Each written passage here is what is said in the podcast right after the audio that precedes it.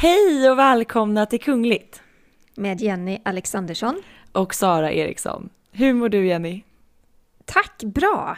Eller ja, jag har varit lite små, ja, smått irriterad. Vi har massa renoveringar i huset som gör att eh, kan låta lite störigt härifrån, min mick ibland. Men just nu är det tyst, så ja, jag kan säga så här, att renovera kök och badrum verkar vara lika stor pandemi som pandemin. Eh, jag kan bara instämma. Jag har ju haft då en granne på var sin sida här då, som har renoverat i olika omgångar. och nu blev det äntligen klart här på, på ena sidan. Men då drog de igång en liten renovering i trapphuset. så att eh, i talande stund så sitter jag hemma vid mitt köksbord. Jag har också byggt som ett, en kuddborg på mitt köksbord med alla mina prydnadskuddar. Så att det, ser ut som Sara tre år ska sova i den här kojan. Men jag ska bara podda lite. Ja. Alltså ibland eh, är man glad för att grannar inte kan se hur det ser ut hemma. Vet du vad jag har gjort? Nej. Jag har tagit för gardinen. Jag kände att eh, om hon mitt emot mig ser det här då kommer de förmodligen ringa efter hjälp eller något. Det ser ett, inte två. bra ut. 112 ja. Nej. Men vad gör man inte för att kunna spela in kungligt? Det är underbart att få höra din röst Jenny och vi har så mycket att prata om idag. Mm, verkligen. Eh, brittiska hovet meddelar att prins Philip är inlagd på sjukhus efter att ha känt sig dålig och eh, vi har även fått ta del av ny information gällande prinsessan Latifa som försökte fly från sin familj i Dubai 2018. Det är ju eh, sjukt spännande. det är väldigt spännande och väldigt otäckt också. Spekulationerna mm. har ju mm. varit många, eh, men nu har hon då alltså gett oss ett livstecken genom ett videoklipp som hon faktiskt då lyckats spela in på toaletten. Mm. Så det är väldigt spännande. Och vi ska ju såklart även prata om den glädjande nyheten att prins Harry och Meghan väntar sitt andra barn. Och det finns ju väldigt mycket att prata om gällande hur det här tillkännagavs, eller hur Jenny? Det gör det verkligen och det ska vi analysera. Och så ska vi prata om den här intervjun som paret ska ge Oprah Winfrey. Och det blir faktiskt den första efter att paret tog ett kliv tillbaka från det kungliga livet för ett år sedan ungefär. Och då kan man också fråga sig, hur ställer sig det brittiska kungahuset till det här? Mm -hmm. Det ska vi mm. prata om. Och eh, även såklart ska vi prata om drottning Silvia, som tidigare i veckan olyckligt ramlade hemma på Drottningholms slott och fick en fraktur, eller flera frakturer faktiskt, i handleden. Men vissa medier blandade ihop drottningens olyckliga fallolycka med de här härliga bilderna vi fick se från familjens skidtur i parken häromdagen och det blev helt fel kan jag säga. Ja, Men, det blev det. det blev det. Eh, vi börjar i Storbritannien och drottning Elisabeths man, prins Philip. Ja, eh, prins Philip ligger, vi spelar in den här podcasten 18 februari och eh, i eh, detta nu så ligger prins Philip då inlagd på sjukhuset King Edward och eh, den 16 februari under eftermiddagen så kom då ett pressmeddelande ifrån det brittiska hovet om att prinsen känt sig sjuk. Eh, och de skriver då även att han lades in på sjukhuset under tisdagskvällen efter att han känt sig dåligt under en tid om jag förstod det rätt. Mm. Och att han nu kommer att stanna kvar på sjukhuset i några dagar för observation och vila. Eh, och de har, det ska tydligen inte handla om covid då. då. Eh, vi vet ju även att både Philip och Elisabeth har vaccinerats eh, mot covid. Mm. Han fyller ju faktiskt 100 år eh, det här året. Mm. Så han är ju en gammal man. Och jag tänker att vad han än har drabbats av så är det ju farligt för honom. Såklart. Eh, och det finns ju, vi ska inte prata om, eh, vi kan prata teoretiskt om vad som händer när en kunglighet dör. Vi vill såklart inte att någonting ska hända prins Philip överhuvudtaget, men om man pratar teoretiskt kring det så är det ju så här att det kör ju igång ett eh, stort och mäktigt protokoll när en kunglighet eh, trillar av pinn. Och eh, kodnamnet för prins Philips död. För alla i den brittiska kungafamiljen har ett kodnamn för om någonting eh, allvarligt händer, om, om de dör. Kodnamnet för prins Philips död är Operation Fourth Bridge. Och jag tror att om drottning Elizabeth dör så är det väl... Är det, vad, vad heter det? London, London Bridge, Bridge, is down. Is down. Mm. Just det. Eh, så att alla kungligheter har ju som sagt sådana här kodnamn och alla kungligheter har faktiskt också en varsin bro. Och det finns ändå en så ganska fin symbolik i det. Det handlar då om att man vill tydliggöra den här bron mellan liv och död. Mm. Eh, och i Philips fall, den här bron som du nämnde Jenny, det är ju en bro som binder samman då eh, Edinburgh och Perth, vilket är liksom också finns en symbolik med hans hertigdöme. Mm. Och är det så att han skulle dö under natten så utannonseras det klockan åtta på morgonen därefter. Och premiärministern han kommer bli informerad, han är den första person som blir informerad. Och det är också han då som utlyser landssorg och det brukar vara i tio dagar. Och då halar man ju flaggor. Eh, det kommer ju vara halade flaggor över hela London såklart, över hela landet. Mm. Ehm, men eftersom då prins Philip är, han är make till landets drottning, han kommer ju få en statsbegravning. Och det innebär att den är ju mycket mer officiell och mycket mer pampig. Och den äger rum ungefär nio dagar efter prinsens död och eh, traditionsenligt så bör det ske i Westminster Abbey. Ja, men där har ju faktiskt prins Philip varit, eller han har tidigare i alla fall uttryckt en önskan om att han då skulle vilja begravas vid en mer privat tjänst eh, vid eh, St. George Chapel i Windsor. Följt då av en jordfästning i Frogmore Gardens. Och eh, det är då lite annorlunda mot vad som rent enligt protokollet skulle ske. Mm. Eh, men där antar jag att de kommer att följa prinsens önskemål och att han kanske får det mer privat. Jag kan förstå det, det för att 2017 så gick han ju i pension. Och då har han faktiskt bosatt sig på Windsor. Så Windsor, jag tror att han betraktar Windsor som sitt hem, mer eller mindre. Mm. Och eh, vanligtvis är ju ja, monarker är begravda i Westminster Abbey eh, eller St. George Chapel. Men eh, att bli begravd vid Frogmore Gardens, det är inte heller jätteovanligt för att där ligger ju drottning Victoria och eh, prins Albert begravda. Så jag kan no på något sätt se hans tanke i det här. Ja, och det som också kommer på tal, eh, om man nu får prata om vad som skulle kunna ske, det är också att hans hertigtitel kommer ju såklart automatiskt att gå i arv. Eh, skulle det vara så att Charles vid tillfället är kung så kommer den då först att gå till honom.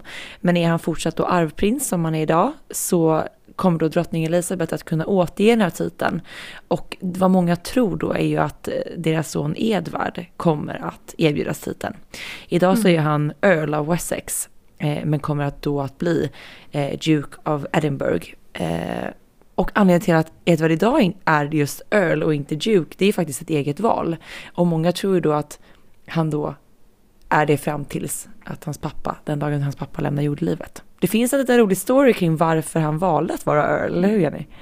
Ja, men det gör det.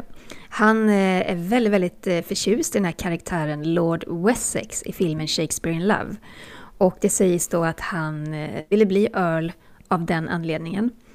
För egentligen så skulle han ju tilldelats titeln som hans brorson William har idag, Duke of Cambridge. Men mm. så blev det alltså inte.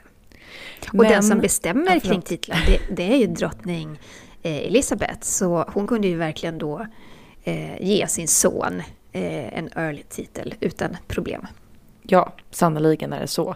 Eh, men med det sagt så hoppas vi givetvis att prins Philip tillfrisknar och att han snart kan lämna sjukhuset.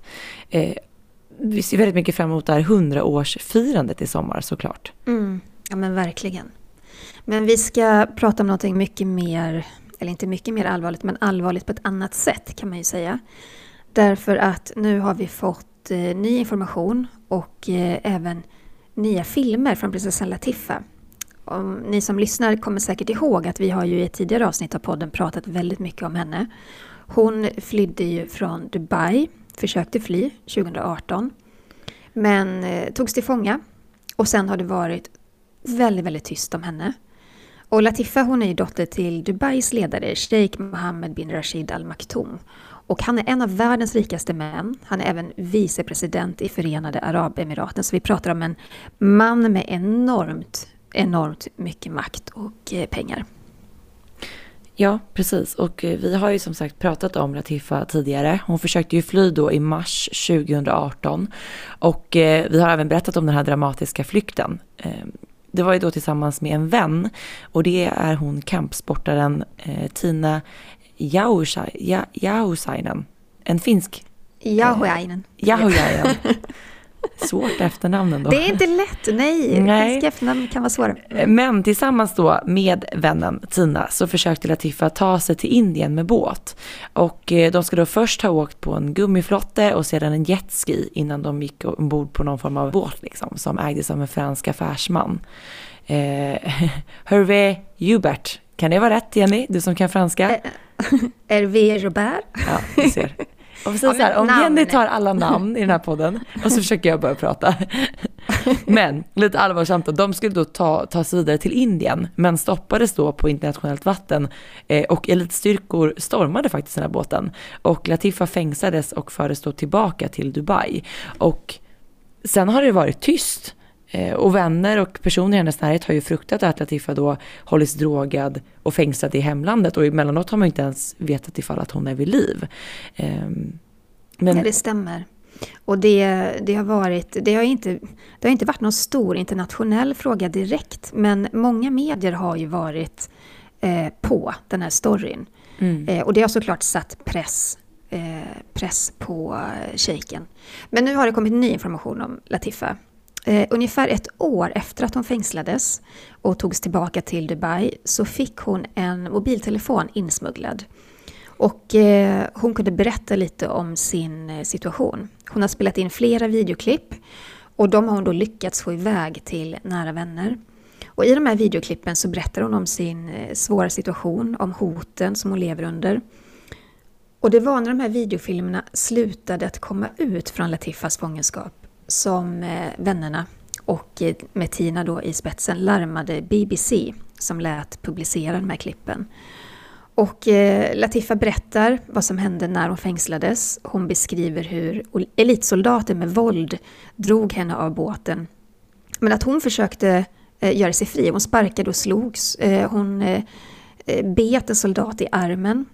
Men de eh, drogade henne. Hon blev medvetslös och hon fördes ombord på en privatjet och vaknade inte förrän hon åter hade landat i Dubai. Och vi, vi lyssnar lite på hur det lät när, när hon berättar i det nya videoklippet. He grabs me and he lifts me up and I'm like kicking and fighting and he's much bigger than me. So I see that his sleeve is rolled up and his arm is exposed. So I said, okay, you have one shot. So I just bite him as hard as I can and shake my head. And uh, he screamed. The same guy tranquilized me again. They put me on a stretcher, and as they were carrying me up the steps of the private jet, is when I passed out. Like I lost consciousness. All I remember was the rocking and seeing the stairs, and then I just passed out. Ja, det är hemskt att höra henne prata, eller hur? Ja, det är fruktansvärt och det måste också vara sån sån rädsla för henne att försöka få ut de här klippen. De är liksom inspelade ifrån en toalett där hon har låst in sig för att försöka mm. få kontakt med omvärlden. För hon ska ju sedan hon blev tillfångatagen ha hållits då i husarrest i en bostad där liksom fönstren har spikats igen eh, och hon har hela tiden bevakats av ja, minst fem poliser utanför bostaden. Um, och två kvinnliga poliser befann sig alltså så ständigt i hemmet nära henne. Uh, men som sagt, toaletten är liksom det enda rummet där hon kan låsa, där hon på något sätt har lyckats smuggla in den här mobiltelefonen för att få kontakt med framförallt då sin vän Tina. Och eh, Tina Jauhiainen, hon, eh, hon har i alla år varit djupt engagerad i Latifas öde och velat hjälpa henne. Och det tragiska är att senast hon såg Latifa, det var ju ombord på båten när Latifa sparkade och skrek och hon hade skrikit att hon hellre vill bli skjuten än tas tillbaka till Dubai. Och det har ju Tina berättat i en intervju med Aftonbladet då, eh, när det hade hänt. Och jag tror Tina och flera med henne faktiskt var fängslade i Dubai i ungefär två veckor innan de släpptes fria. Och då hade hon också blivit väldigt pressad under, under många förhör, så att det känns ju som att den här skräcken, hon, jag tror att eh, Tina kan liksom dela den här skräcken som Latifa också känner kring att vara fast mm. eh, i Dubai. Och det är ju såklart oerhört besvärande för, för shejken. Latifa hon säger ju själv i ett videoklipp då att hennes pappa är extremt noga med sitt rykte. Så att det här svärtar ju ner honom. Det gör det ju. Ja, och inte minst efter också, det har vi även pratat om tidigare i podden, eh, en av hans fruar då, prinsessan Haya, som också är bror till kungen av Jordanien, hon flydde ju från shejken 2019 med sina två barn och sökte skydd i Storbritannien. Eh, hon blev sedan också stämd i domstol vad det gäller den här vårdnaden. Men det är ju också någonting som det har pratats och skrivits väldigt mycket om faktiskt. Mm. Ja, där blev det väldigt, väldigt stor uppmärksamhet, också för att prinsessan Haya har så starka kungliga kopplingar både till Jordanien men också till Storbritannien då, eh, dit hon flydde. Och eh, jag har ju läst flera av de här dokumenten ifrån den domstolsförhandlingen och det kom ju fram nya uppgifter även vad gäller Latifas flykt i mm. den förhandlingen. Och domstolen slog ju fast då att Sheikh Mohammed bin Rashid Al Maktoum, han var ansvarig för att ha fängslat och fört hem Latifa både under hennes första försök till flykt, då var hon bara 16 år, det var 2002, och nu då under hennes andra flyktförsök 2018. Och det kom även fram att han, hade, att han hindrade eh, prinsessan Shamsa att fly år 2000. Det är ju en halvsyster då till Latifa. Och man slog fast att shejken håller de här prinsessorna fängslade mot sin vilja i hemlandet. Alltså det är så, det är så sjukt när man tänker på det, att det här förekommer och att de här människorna just nu mot sin vilja sitter fängslade. De har liksom försökt fly och mm. att de inte får någon hjälp. Ja, jag har ju varit i Förenade Arabemiraten med kronprinsessan Victoria och jag har besökt Dubai och Dubai är ju liksom på ytan ett mer sekulariserat samhälle och det är inte så att man ser kvinnor alltid och hela tiden täcka sitt hår eller, eller liksom följa sådana eh, lagar. Men eh, det är klart att under ytan så är det ju en helt annan situation. Och speciellt om man är då dotter till vicepresidenten av Arabemiraten. Alltså jag är helt övertygad om att han håller sin familj väldigt hårt i strama tyglar. Eh, och att till och med gå så långt att man kan fängsla och hålla sina barn eh, fångna mot deras vilja. Det är bara fruktansvärt. Det ska ju också sägas att eh, Dubais och eh, Förenade Arabemiratens myndigheter har ju valt att inte kommentera de här nya uppgifterna till BBC. Alltså eh, det här, bland annat det här klippet som vi precis lyssnade på. Mm. Så där har man inte hört någonting. Vi kommer givetvis fortsätta följa det här. Ehm, och prata mer om det här i podden. Vi ska prata om ett lite mer lättsamt och lite mer glädjefyllt ämne, eller hur? Det ska vi göra, för det är dags för veckans Harry och Meghan.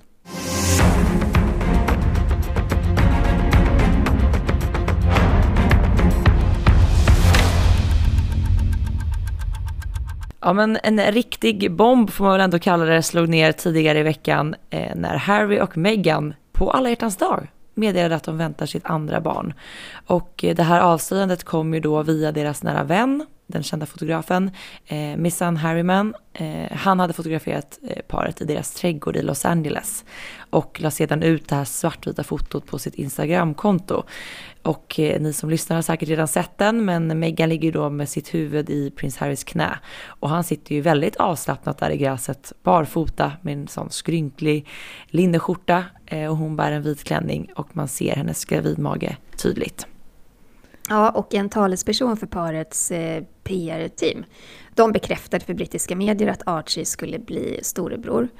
Och man känner sig extra glad, tycker i alla fall jag, för att eh, Meghan hon gick ju ut eh, i november tror jag det var, i en krönika i New York Times och berättade om ett eh, missfall som hon hade. Och hon var väldigt öppenhjärtig och hon beskrev den här situationen väldigt fint tycker jag. Att hon skulle byta blöja på sin lilla son Archie när hon kände då att hon fick eh, svåra kramper och sjönk ihop på golvet och eh, med en gång insåg då att det är ett missfall som hon är med om. Och att hon liksom böjde sig över sin son och sjöng vaggvisor för att hålla honom lugn men också hålla sig själv lugn. Så att man, jag känner ändå att man blir extra glad att nu lyckades det. Faktiskt. Ja, självklart. Och, och också så här, Meghan har ju blivit väldigt hyllad för den här krönikan. Eh, just att hon gjorde ju det för att man vill avstigmatisera eh, det här med att man inte pratar så mycket om just missfall och att då en eh, för detta eller vad hon nu är, kunglighet fortfarande, väljer att gå ut med det och på så ett öppet sätt eh, skriva och berätta, det har betytt väldigt mycket för väldigt många. Men som du säger, är det klart att man blir extra glad då när man nu ser att paret väntar tillökning. Men det är mm. mycket med det här som är intressant i och med att det här blir ju kanske den första brittiska kungligheten som kommer födas i USA bland annat. Ja, men just det. Och en sak som både du och jag funderade mycket över, det var just vad säger hovet? För det var verkligen, och är fortfarande, kompakt tystnad. Mm. Eh, när Meghan och Harry skickade ut det här beskedet då via en, en vän, det kom inte ett ljud ifrån hovet, men eh, lite senare så var det en talesperson för brittiska hovet som berättade för medierna att eh, kungafamiljen blivit informerade och att de önskade familjen eh, all lycka. Men det är eh, fortfarande men... ingenting som vi har sett ifrån brittiska hovet. Alltså vanligtvis Nej. när den här typen av, av nyheter annonseras så går ju alltid hovet ut eh, och bekräftar det. Och liksom någon liten rad eh, om ja, att det är glädjande verkligen. nyheter. Så har vi sett det alltid och vi har sett det nu när Georgini fick barn eller väntade barn. Eh, så att det hör liksom till vanligheten. Så att vi inte har fått det, det är konstigt. Ja, la de, la de ut någonting på Instagram kring Eugenie eller la de det på sin hemsida? Eller de la det på, på, sin hemsida som ett liksom announcement. Just det. Eh, men det mm. var fortfarande det och det har vi inte sett i det här fallet. Utan Nej. istället så la brittiska kungahuset upp en bild på pannkakor. Eh, det var pannkakans dag där ja. Det krockade ja. den 15. det, alltså, vad, vad, ska man säga om det Sara? Ja, jag undrar mest ifall drottning Elizabeth föredrar drottningsylt. Haha. Nej men det undrar jag. Och sen, jag blev lite glad mm. för jag är en, av, en person som tycker att pannkakor är mat. Och jag får ofta höra att pannkakor är frukost, man kan inte äta det till middag. Men nu känner jag, när drottning Elisabeth käkar pannkakor, då är allt tillåtet. Med drottningsylt. Ja. ja, det måste det vara. Men vad, alltså, hur ska man tänka kring liksom det här med att kungahuset håller tyst? Jag tror bara att det är en fortsättning av det vi så ofta pratar om, just att det råder fortfarande så mycket tvivel, eller så kanske inte alls råder tvivel för brittiska kungafamiljen. De kanske har bestämt sig och, och diskuterat vad som komma skall som vi inte vet ännu. Men jag tycker ändå att det är tydligt ifrån brittiska kungahusets sida när de inte kommenterar det. Och det kanske är så att de här beskeden som vi har väntat ett år på kommer alldeles snart och att det då hade blivit konstigt ifall att de hade gått ut med någonting. Mm. Eh, om det ändå är så nära något form av, eh, Men något form av tydliggörande. Menar du att kungahuset tar avstånd från paret? Ja, det menar jag. Eller jag menar framförallt att kungahuset är medvetna om att Harry och Meghan inte inte kommer att utgöra en del av den brittiska, mm. det brittiska kungahuset framöver. Och därför väljer man att redan nu ligga lågt. Men jag tror du är helt rätt. Återigen så skapar det så mycket spekulationer. Så varför, är man inte, varför kör man inte bara med öppna kort redan nu? För att nu drar ju den här karusellen igång än en gång. Att så här, mm. varför hör vi ingenting? Vad betyder det här? Varför väljer Harry och Meghan att eh, gå via en vän när de annonserar den här nyheten? Det är ju så här, men det är ju för att de, de, inte ska använda sociala medier längre på grund av allt näthat. Det har de ju själva sagt. Just men, eh, men jag håller med dig i allt det här. Jag tror att, att det är precis som, som du säger, att eh, kungahuset har redan bestämt sig. Drottning Elisabeth har redan tagit ett beslut. Jag tror att ju tidigare man går ut med det beslutet, desto mer eller mindre spekulationer får man kring sånt här. Mm. Men vi måste prata om bilden, för den är jätteintressant och den har också mött massiv kritik och då främst i Storbritannien. När vi tittade på tidningarnas framsidor och löp så blev man nästan chockad över hur, hur medierna där och tabloiderna använde bilden. Eh, på många omslag, eh, och speciellt på de tidningar som blivit stämda av eh, Meghan, och som Meghan vann över, så har man då publicerat bilden med eh, censurerade ansikten. Eh, för att inte då... Alltså det är en pik till paret verkligen. Och så har man skrivit som rubrik Publicity shy woman tells 7.67 billion people I'm pregnant. Eh, och det är så här publicitets... Eh, vad säger man? Publicitets... Eh, hatande kvinna. Mm. Kvinna eh, berättar för 7,67 miljoner människor att jag är eh, gravid. Mm. Eh, och, att, och jag menar, jag förstår att tidningarna gör den här piken. Det är ju konstigt att det här paret som eh, lämnar kungahuset på grund av att de tycker att de inte blir respekterade, att deras privatliv inte blir respekterade. Eh, de vet vilken cirkus en sån här bild startar. Jag tänker att de hade haft världens bästa tillfälle här att faktiskt ha en graviditet för sig själva så långt det går. Mm. Eh, att inte känna att de måste dela med sig av någonting. Samtidigt, jag förstår också att det är svårt att dölja en växande mage, någon gång kommer det ut. Men eh, de vet ju vilken cirkus de, de drar igång. Och det där drog ju också många brittiska medier på, för på många löp så stod det också med ironi, leave them alone, eftersom att mm. det är det de har bett om. Eh, mm. någonting annat som också har mötts med både ris och ros, det är ju att paret valde att annonsera det här på en sådan dag som alla hjärtans dag. Just för att man menar väl då att det finns, alltså det är en ganska känslig dag generellt eh, mm. för folk som är ensamma och så vidare. Så det är också en grej som har diskuterats.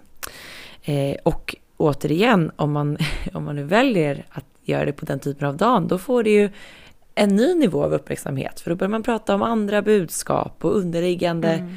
faktorer och hej och hå. Så att återigen, men, dubbla signaler. Men det är också, det är dubbla signaler. Men det är också en hyllning till Diana, eller hur? Ja, eh, att eh, hertigparet valde att tillkännage den här glada nyheten just den 14 februari finns en tydlig koppling till Diana. Och eh, tidigare i veckan så gästade jag eh, Morgonpasset i P3 där jag eh, pratade om det här. Vi kan ju lyssna lite på hur det lät. Dagen innan alla hjärtans dag, för 37 år sedan, så gick då prins Charles och Diana ut med den glädjande nyheten att de väntade sitt andra barn. Vilket gjorde att den 14 februari så pryddes ju varenda löpsedel med den här nyheten. Men det är ett förhållande man vill dra till paralleller till, tänker jag. Kanske inte förhållandet, Nej. men jag tänker liksom just att 37 år senare så annonserar sonen då, som, alltså Harry själv, samma nyhet eh, på samma dag. Mm. Så det finns nog en fin koppling och någon form av hyllning till hans mamma där. Ja, men det är ju fint att paret då 37 år senare eh, liksom väljer att publicera det här alltså på samma dag. Det finns ju en fin symbolik och det är en fin hyllning till Diana. Var det när Harry föddes? Precis, eh, så att eh, det var inför... Då känns det ju som att det är genomtänkt, Ja, men på den som jag sa hos P3 där så var det så att för 37 år sedan kunde man inte förmedla den här typen av nyheter så fort. Så att då valde Charles och Diana att gå ut med nyheten dagen innan alla hjärtans dag, så att löpen då på Valentines mm. pryddes av en, ett stort leende på Diana. Smart gjort. Mm. Vi ska också prata om den här omtalade intervjun som slog ner som en bomb. Det är en intervju som inte är gjord ännu. Den ska sändas den 7 mars. Men faktum är att det var dagen efter att Harry och Meghan avslöjat att de väntar sitt andra barn som de släppte bomben. Och eh, de tänker alltså ge Oprah Winfrey en 90 minuter lång intervju på bästa sändningstid. Eh, den 7 mars sänds den på CBS och programmet heter Opera with Meghan and Harry, a CBS Primetime Special. Oj, oj, oj. Och det är, för, det är faktiskt första gången sedan utträdet till kungahuset som paret ger en personlig intervju om livet utanför slottsportarna. Och det sägs ju också att det är en tell-all. Eh, de kommer inte ducka för några frågor.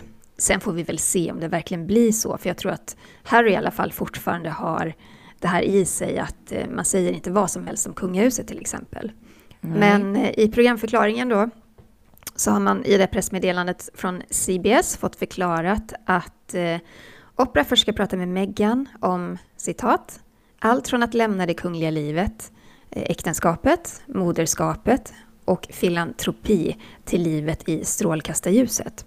Och sen efter det så ska Harry ansluta och så pratar de om det nya livet i USA och parets framtid. Det kan bli spännande känner jag. Det känns också som att den här intervjun kanske faktiskt är startskottet på tydligare besked ifrån hovet. Eh, jag tror det verkligen den känslan det. man får. Eh, för brittiska kungahuset var då enligt The Times inte förvarnat om den här intervjun eh, och ska mer hört talas om den via Twitter.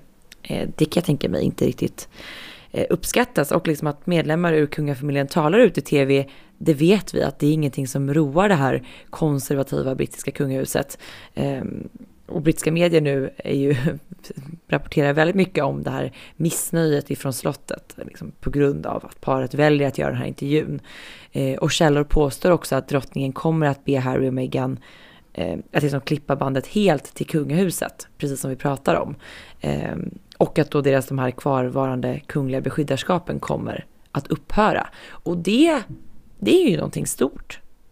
Ja, kan inte du förklara det här med beskyddarskap så alla förstår? Eh, jo, men så här, det är ju vanligt att kungligheter är så kallade, man säger att man är beskyddare av till exempel en organisation och liksom det är ett, det är ett väldigt fint, ett hedersuppdrag. Eh, och i det här fallet då så skulle det innebära att prins Harry förlorar, han har ju tre stycken hederstitlar från Försvarsmakten. Och för Harry att förlora de här titlarna, det är oerhört känsligt. Eh, det är verkligen så ett nederlag för honom för att han tjänstgjorde ju i armén i tio år och har även varit placerad i Afghanistan. Så jag tror att mm. för Harrys del är det här någonting väldigt känsligt. Medan det för ja. Meghan kanske inte riktigt har samma det här hjärta på samma sätt, samma det här eh, rotade som det har för Harry. Det kan jag tänka mig. Nej, alltså är man uppvuxen i en kunglig familj så vet man ju också, då är betydelsen av ett beskyddarskap nedärvt i ryggmärgen. Mm. Men eh, för Meghan var ju det någonting helt nytt. Men hon har ju faktiskt eh, flera beskyddarskap av kunglig rang och ett av dem är ju National Theatre. Och det får hon i så fall lämna om det inte är så att hon lyckas komma överens med dem om att ha ett annat typ av beskyddarskap som inte är av den kungliga arten. Och det är lite synd på något sätt för att hon fick ju det här uppdraget 2019 och det var en otroligt fin och generös gest. För innan Meghan så var det faktiskt drottningen själv som innehade samma uppdrag och det hade hon haft i 45 år. Så att det var ju ändå fint att Meghan fick ta över det efter drottningen. Mm. Men eh, ah, allt det här är en känslig gröt att röra kan man säga. Eh, källor till Mail Online de säger att paret faktiskt har bestämt sig för att genomföra den här intervjun just för att både Harry och Meghan vet att alla officiella kopplingar till organisationerna kommer att upphöra. De vet om vad drottningen kommer meddela folk snart. De vet om att deras kungliga navelsträng kommer att klippas. Och det kan ju säkert också ha att göra med mycket att Harry och Meghans, vi pratar också om deras, deras engagemang i amerikanska presidentvalet har inte heller varit särskilt uppskattat om vi nu ska tänka vad man pratar utåt som kunglig, mm. den här mm. intervjun, eh, engagerar sig politiskt. Eh, det känns som det är nära nu ett besked ifrån brittiska hovet. Jag tror det också. Vi, vi gick ju och hoppades lite grann att det skulle komma redan i januari. Men, eh, men tydligen, så, tydligen så tänker man på start, startskottet som mars när paret flyttade utomlands. Och mm. det blev officiellt att de, ja men först flyttade de till Kanada och sen till Los Angeles. Ja, de och då fick sitt sista framträdande ett, där. Då fick ju de ett eh, prövoår av drottning Elizabeth och det prövoåret skulle då utvärderas. Och det är ju så att drottningen lämnade dörren till den kungliga världen på glänt. För skulle paret ångra sig eller se att det fungerar inte att leva så som de hade tänkt så var den välkomna tillbaka. Men efter den här monsterdealen med Netflix och med Spotify så drämde Harry och Meghan igen dörren och med en extra spark i dörrkarmen då det här engagemanget i amerikanska presidentvalet. Så ja, de vet ju såklart redan om hur drottningen tänker i den här frågan och då känns det säkert inte lika läskigt att sätta sig i en tell-all intervju på en och en halv timme i, på bästa sändningstid. Nej, och jag tänker liksom att som du säger, om de, om de nu vet om att de inte ska ha några kopplingar så är det ju bara att sätta sig i den där soffan och bli intervjuade. Då finns det ju inga mm. regler längre. Nej. Och vi kan ju säga också att brittiska hovet, de har inte velat kommentera att eh, CBS eh, ska få den här intervjun. Men, här, Men vad händer, ja. vad händer liksom om Harry och Meghan säger någonting ofördelaktigt om kungahuset? För det här är en intervju som kommer rulla 85 varv runt hela jordklotet. Alla kommer se den. Ja, och alla väntar ju också på den nu med spänning just för att det vi pratar om nu, det är vi inte ensamma om. Såklart. Nej. nej. Eh, men jag tänker så här, Harry och Meghan har ju redan varit lite i gränslandet emellanåt. Jag tänker den här intervjun som de gjorde i Sydafrika 2019 var ju delvis så här små pikar till kungahuset. Men jag tänker mig att om de då är medvetna om att de ändå kommer att klippa navelsträngen så kanske det blir en än ärligare intervju. Eh, men det är ju du? hemskt. Nej men jag tycker att det här är... Jag tänker ganska mycket på drottning Elisabeth i den här frågan. Hon eh, som har fått stå ut med så mycket skandaler. Ja. Inte bara nu utan även på liksom 80 och 90-talet. Och eh, alltså i modern tid, eller i nu, nutid, så hovet minns ju säkert den här katastrofala intervjun som prins Andrew gjorde med BBC efter att det avslöjats att han var inblandad i pedofildömde affärsmannen Jeffrey Epsteins affärer. Den minns vi alla. Och den minns vi alla, den var katastrofal. Ja. Han svettades, han mumlade, han, hade, han ljög. Det var eh, uppenbart kunde, att han ljög. Ja. Och efter det så tvingade drottningen honom bort från det offentliga livet. Han är ju inte någon arbetande kunglighet längre. Och det var ju ett snöpligt avslut på hans gärning. Och även den här intervjun med prinsessan Diana, det var väl på 80-talet va? Mm.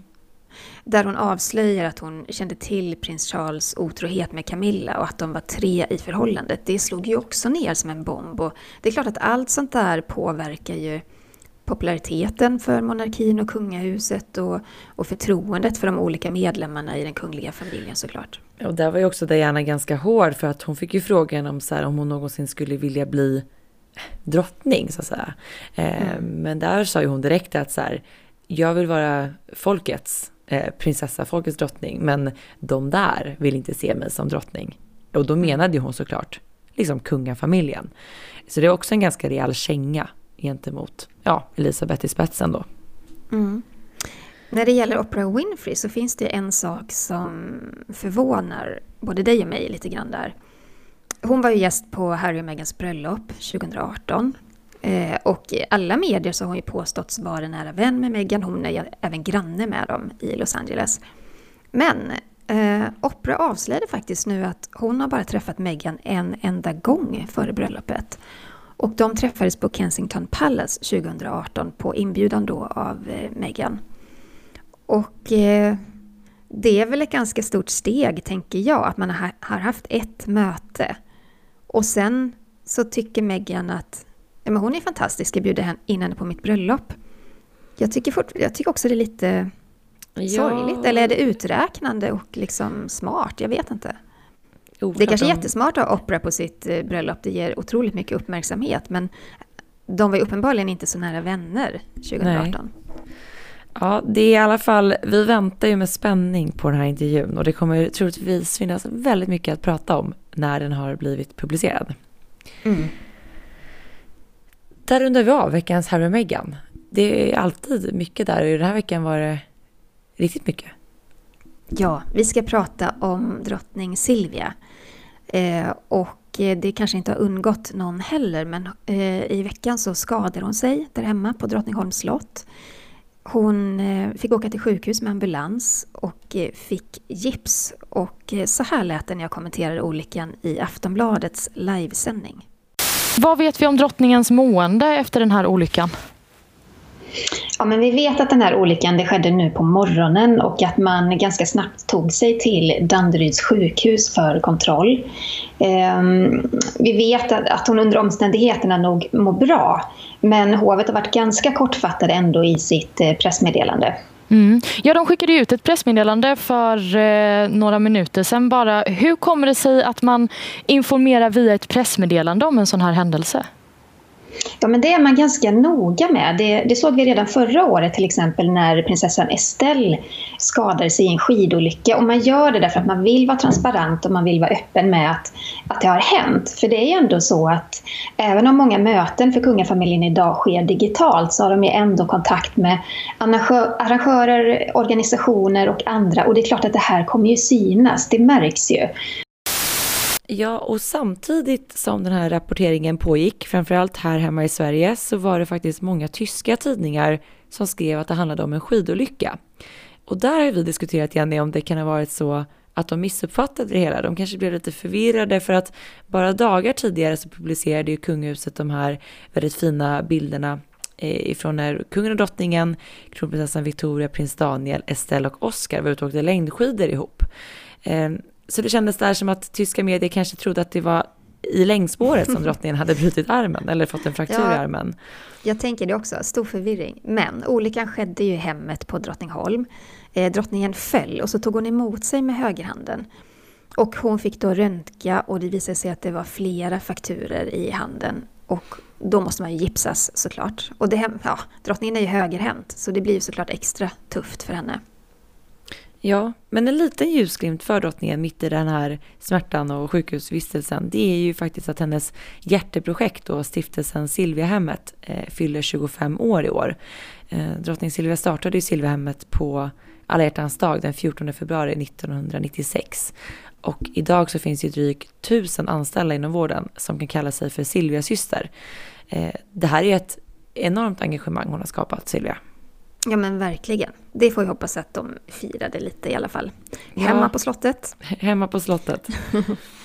Men eh, vi ska raskt gå vidare till Spanien. För i början av veckan så möttes vi av rubriker om spanska ex-kungen Juan Carlos och hans sviktande hälsa. Och rubriker som att kungen ligger på dödsbädden. Och det hela börjar med att journalisten Pilar Air skrev att kungen var mycket sjuk och att spanska kungahuset såg över möjligheten att ta hem honom till Spanien. Och det här skapade ju ja, rubriker och frågetecken. Sannoliken. Och det beror ju just på allt som kungen har ställt till med. Men då var det en annan spansk journalist, eh, Carlos eh, Herrera, även han är lite så här god vän till Jean Carlos, som ska ha ringt upp honom då, ex-kungen, för att fråga om hans hälsa. Och enligt Carlos så var det en pigg och glad ex-kung som svarade. Eh, så att kungen då ska ligga på dödsbädden verkar inte stämma. Nej, och tydligen så hade kungen sagt att eh, jag går på gym två dagar i veckan, Oj. så då är man inte så sjuk. Nej, eh, men som vi pratat om tidigare här i Kungligt så är ju Jean Carlos bosatt numera i Abu Dhabi. Och spanska folket är ju väldigt trötta på honom efter alla skandaler som han har ställt till med. Eh, vi har pratat om det tidigare, det finns ett helt avsnitt om det här om ni vill lyssna på det. Han har ju bland annat mottagit pengar ifrån saudiska kungahuset, det handlar om mutor, det handlar om eh, pengaöverföringar till älskarinnans stiftelse och så vidare. Det här är bara lite av allt vi har pratat om. Ja, men det här har ju också, eller det fick en olycklig koppling med en annan nyhet från Spanien som kom tidigare i veckan. Hovet meddelade att eh, kronprinsessan Leonor, hon är ju då barnbarn till ex-kungen Juan Carlos. Eh, hon ska börja studera i Wales i Storbritannien. Hon är 15 år gammal. Och i samband då med att hovet eh, delgav den här informationen och berättade att kronprinsessan ska flytta så var spanska RTVE lite väl snabba med att skriva innehåll till sitt program. I ett inslag om kronprinsessans flytt så sa de att kronprinsessan lämnar Spanien precis som sin farfar. Slutcitat. Ja, Och- det här var inte uppskattat. Det fick spanska kungahuset att rasa, minst, snabbt, minst sagt. Ja, men de vill inte bli förknippade med, Jean Carlos skandaler. Och det här var ju liksom en tydlig peak i och med att ja, men Jean Carlos lämnade i Spanien efter att det liksom framkommit att den här saudiska kungen Abdal försett eh, Jean Carlos med 100 miljoner dollar. Och då flydde han ju ifrån Spanien och eh, då menar man ju på att de gjorde kopplingen då mellan kronprinsessan och det faktum att Jean Carlos fick fly och det var ju inte så smart. Nej. Eh, sen tycker jag att det blir lite underligt ändå. RTVE det är en statligt ägd kanal och deras uttalande om kronprinsessan det fick det här politiska partiet Partido Popular att kräva en ursäkt från kanalens sida. Och okej, ja okej. Eh, men det hela slutade med att ansvariga för tv-produktionen fick sparken. Ja, Och jag kan inte riktigt drastiskt. så här... Ja, men jag kan också tänka att det är väldigt drastiskt för en rubrik. Det är klart att om, om den rubriken orsakar så mycket skada och eh, sorg för någon, då ber man om ursäkt och gör rätt. Men att tvingas lämna sitt jobb på en statlig kanal, ah, Det kan nog säkert skapa liksom, ganska mycket irritation hos spanska folket kan jag tänka mig. Eh, det kan jag också tänka mig. väljer att vara, alltså jag förstår att spanska kungafamiljen inte vill bli förknippade med Jean Carlos. Liksom, eh, sonen Felipe har ju liksom till och med så avsagt sig allt arv ifrån Jean Carlos just för att markera. Eh, men när kungahusen, eller det bidrar till att någon får lämna sitt jobb på grund av den rubriken. eh, det Lite var- väl drastiskt. var, ja, verkligen. Det kan Mm. nog skapa mer eh, dåligt än vad det Precis. hjälper att... Ja, nej, konstigt. Hörni kära lyssnare, innan vi avslutar så ska vi göra ett snabbt nedslag i eh, Belgien. För i veckan så närvarade eh, prinsessan Delphine. Hon har ju nyligen fått sin prinsesstitel. Hon är ju, jag ska inte säga oäkta barn, men barn utanför äktenskapet till ex-kungen. Albert av Belgien. Och hon via domstol fick då rätt att titulera sig prinsessa. Hon var med vid sitt första kungliga framträdande. Och tillsammans med sin man så medverkar de i en ceremoni i Notre Dame-kyrkan. För varje år så samlas kungafamiljen den 17 februari för att minnas alla avlidna medlemmar i kungafamiljen. Och det här är ju, jag tycker det är exceptionellt. Jag tycker det är fantastiskt, för jag trodde aldrig att kungafamiljen skulle acceptera henne så officiellt som de ändå har gjort.